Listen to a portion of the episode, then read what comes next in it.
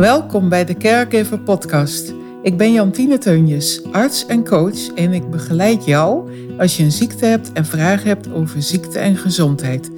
Ik wil jou inspireren en ondersteunen, ook als je familie bent van iemand met een ziekte.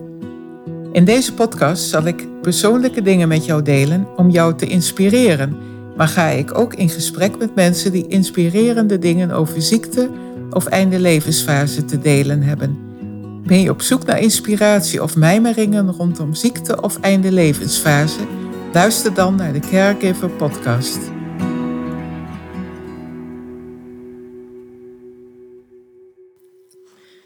Hallo iedereen. Ik uh, neem weer eens eventjes een uh, solo-podcast op. En dat uh, heeft een reden. Ik loop daar al een paar weken mee rond. Dat ik denk van hier wil ik een podcast over maken. Gewoon omdat het zo interessant is en iets is wat op dit moment heel veel mensen bezighoudt. En dat is het verdwijnen van je reuk en daardoor ook je smaak onder andere. Ik uh, heb het zelf aan de lijve mogen ondervinden. Ik, uh, het was op een uh, avond, nou, ik was al eventjes een dag flink verkouden, een beetje tegen het grieperige aan.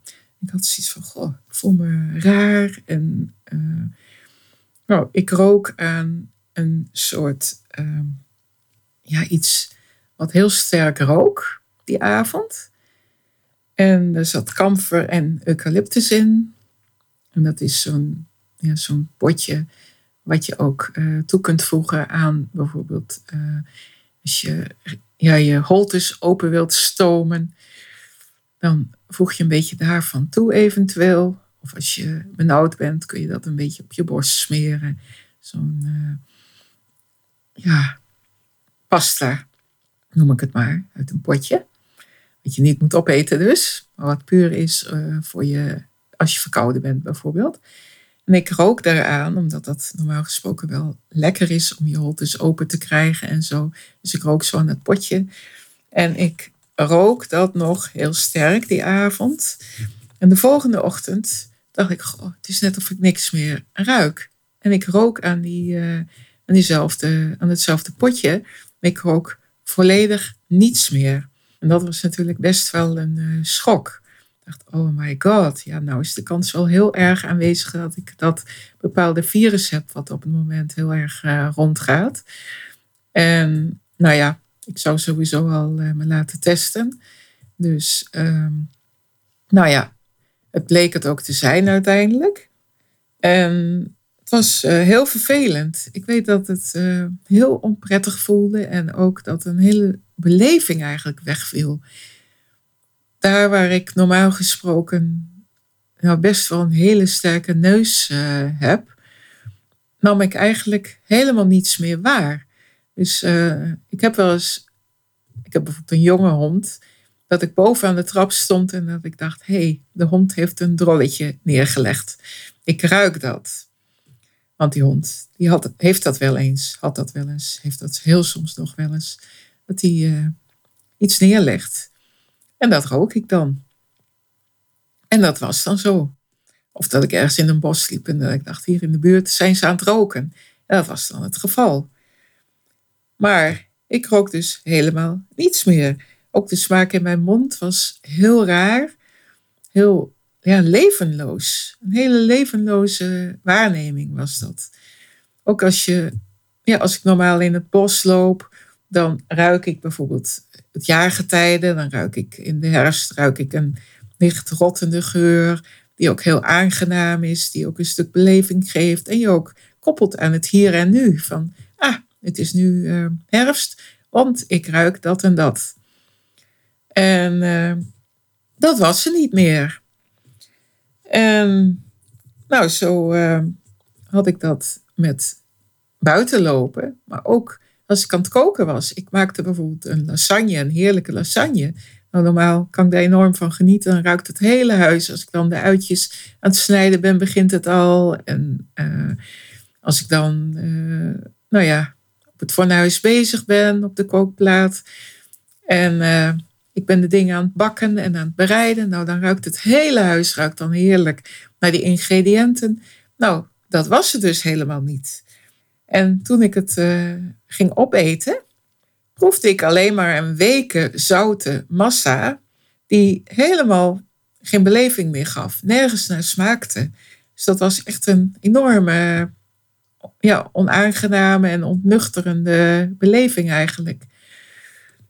Nou, dat heeft echt wel enige weken zo geduurd, totdat op een gegeven ogenblik ik merkte dat er een hele lichte beleving weer terugkwam. Dat ik vlagen weer rook, dat ik een heel klein beetje weer proefde. Dat ik uh, bijvoorbeeld uh, een stukje speculaas nam. En dat ik dacht, hé, hey, ik proef die speculaaskruiden weer even. Nou, dan, daarna was het even weg.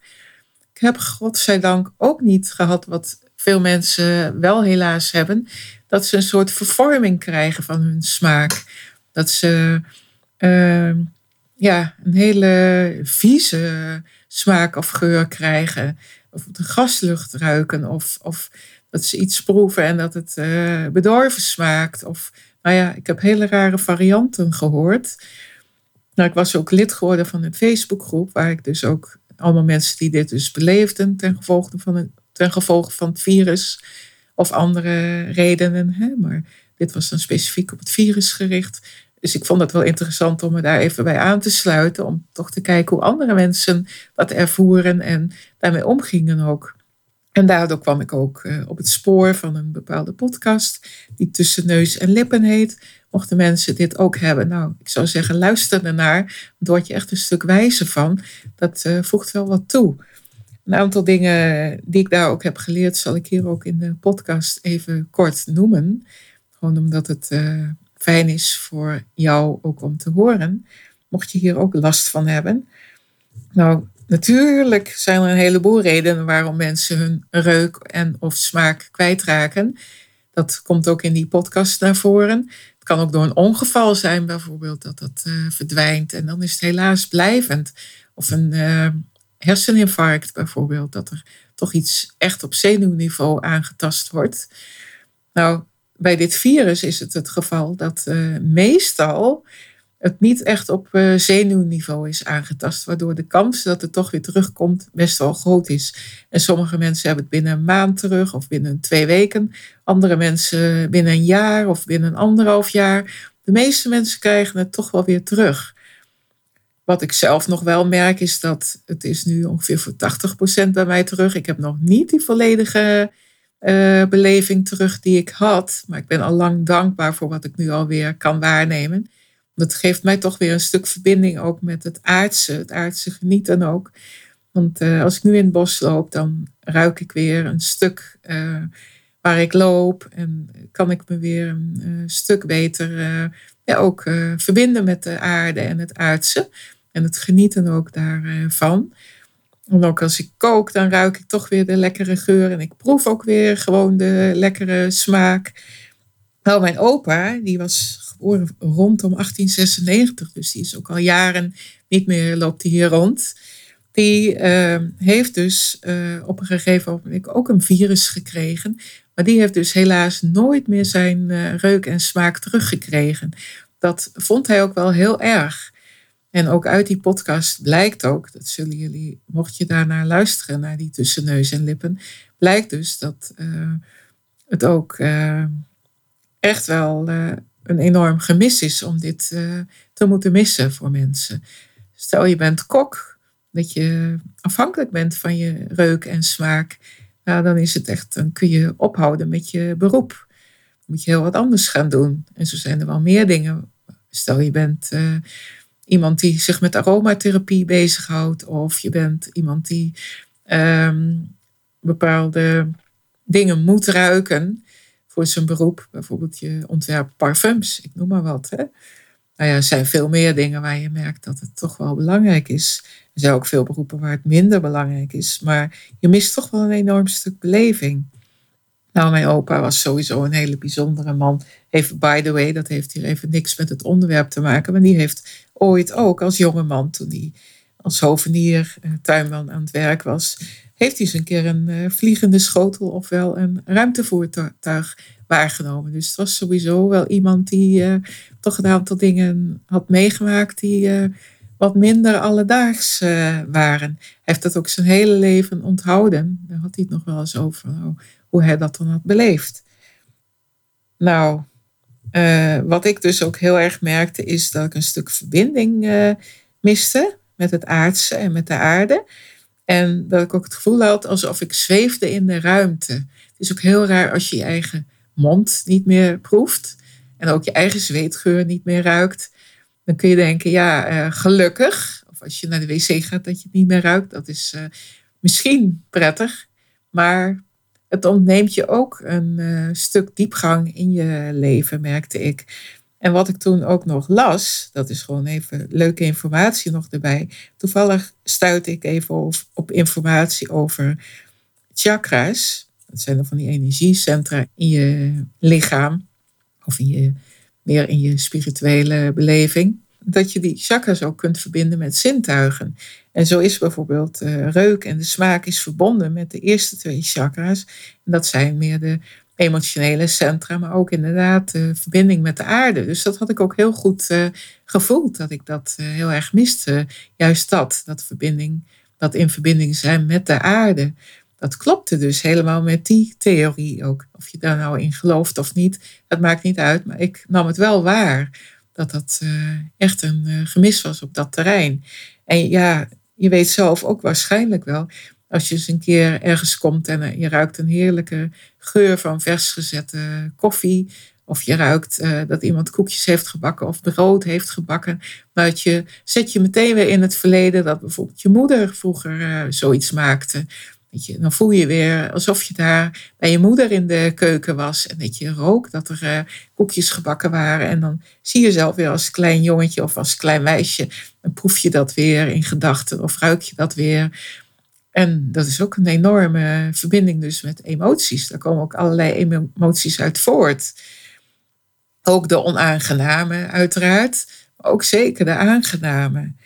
En uh, ja, dus, maar ook die lasagne die nergens meer naar smaakte, dat vond ik ook zo uh, erg. Dat ik uh, dacht van nou, wat, uh, ja, ik wil niet zeggen, ze kunnen me net zo goed stront voeren. Dat is natuurlijk, dat is even heel grof gezegd, maar dat is natuurlijk niet waar. Ja, maar als je helemaal niks proeft, ja, het is natuurlijk heel bizar.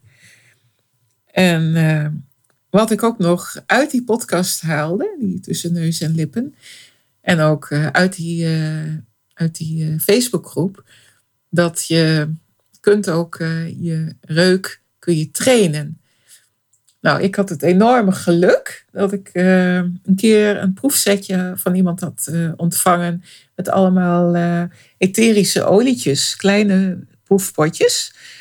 En daar, zo is er bijvoorbeeld een geur cinnamon, dat is een hele lekkere kruidige geur. En zo heb je bijvoorbeeld lavender, dat is lavendel. En zo heb je bergamot, wat ook in bepaalde theetjes zit. Zo heb je nou, basilicum, basiel, tijm. Er zijn allerlei geurtjes die heel sterk geconcentreerd zijn in van die etherische oliën. Dus ik had het enorme geluk dat ik die had. Dus ik ben ook meteen nadat mijn reuk verdwenen was, elke dag heb ik aan die, aan die kleine flesjes geroken. En dan las ik er ook bij waar het naar zou moeten ruiken. En, en verbeelde ik me dan met mijn in hoeverre ik me dat kon verbeelden. Want je merkt dan wel dat, dat ook heel snel dat je dat kwijt bent en ook gaat vergeten. Dat is heel bizar hoe dat dan werkt. Maar ik probeerde me toch voor de geest te halen van hoe rook ook alweer uh, dat en dat. Bijvoorbeeld lavendel.